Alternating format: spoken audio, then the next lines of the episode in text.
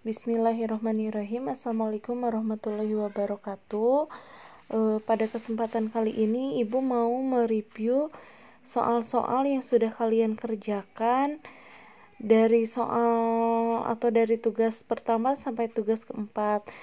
Rencananya tadi itu Ibu akan membahas secara langsung e, Atau mereview secara langsung tugas-tugas yang sudah kalian kerjakan melalui Google Meet. Akan tetapi ternyata tadi yang mengikuti Google Meet itu hanya sekitar 10% saja. Nah, sehingga tidak memungkinkan untuk mereview secara langsung di Google Meet. Nah, tadi hanya mengecek kehadiran saja. Nah, e, dari tugas yang sudah kalian kerjakan itu ada empat tugas. Nah, tugas yang pertama tentang pengertian sejarah. Nah, pada saat itu Ibu sudah memberikan artikel mengenai pengertian sejarah dari beberapa tokoh.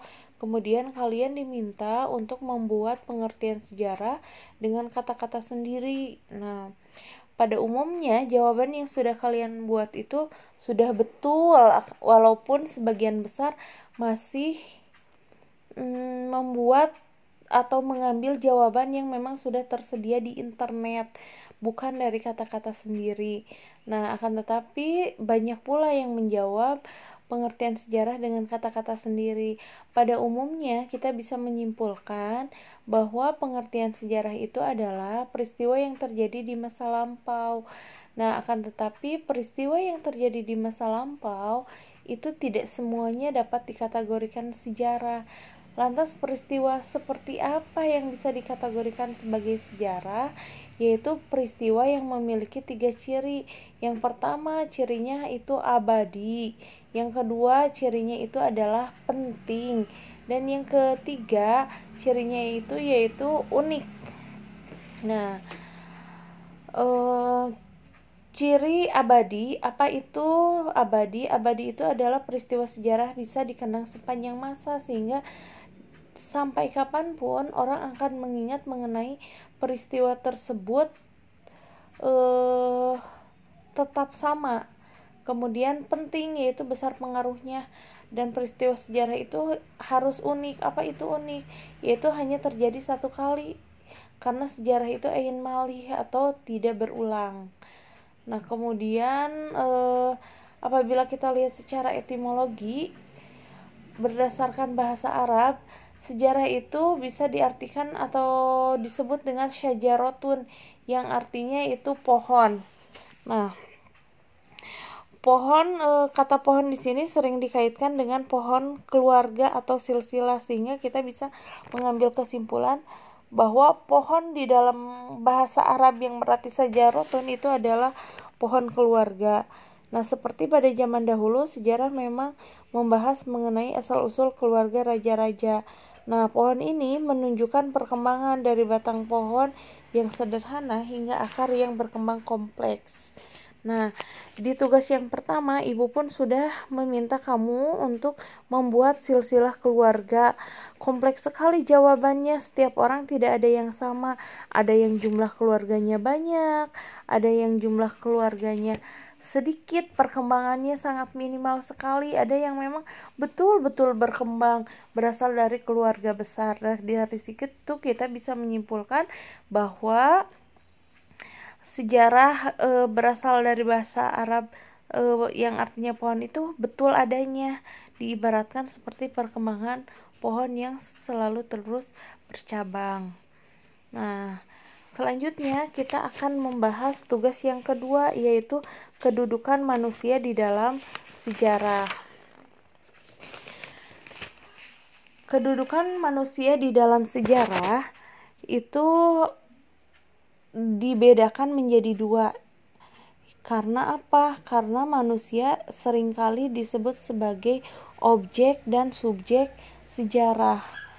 Kenapa manusia disebut uh, objek dan subjek sejarah karena sejarah dan manusia ini merupakan duit tunggal yang tidak dapat dipisahkan. Tidak ada manusia tanpa sejarah dan tidak ada sejarah tanpa manusia. Karena apa yang manusia lakukan, jejak-jejak peninggalan manusia di masa lampau pada akhirnya akan menjadi sejarah.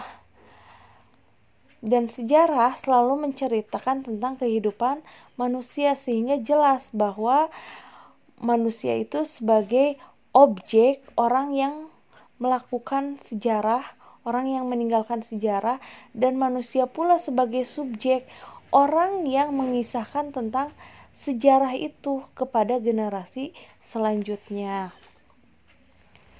Nah, eh, kemudian eh, di tugas yang kedua juga eh, ada pertanyaan mengapa manusia selalu uh, mengapa maaf uh, sejarah itu selalu terikat ruang dan waktu.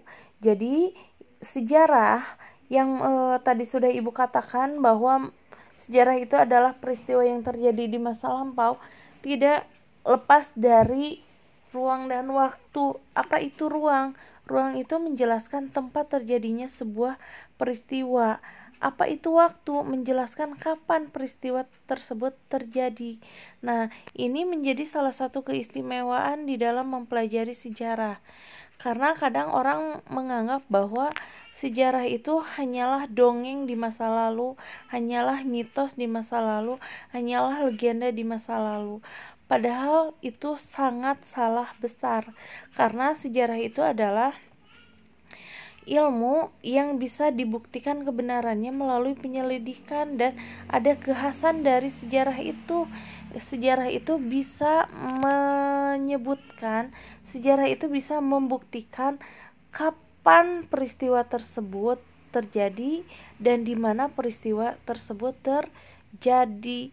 Jadi Ruang dan waktu menjadi salah satu ciri khas pembeda antara sejarah dengan mitos, legenda, dongeng, ataupun cerita-cerita yang kebenarannya tidak diketahui.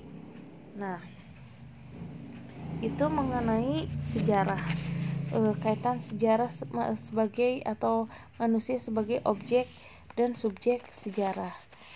Nah, sekian yang dapat Ibu bahas baru tugas pertama dan tugas Kedua, untuk tugas yang ketiga itu tentang e, konsep berpikir sinkronis dan diakronis.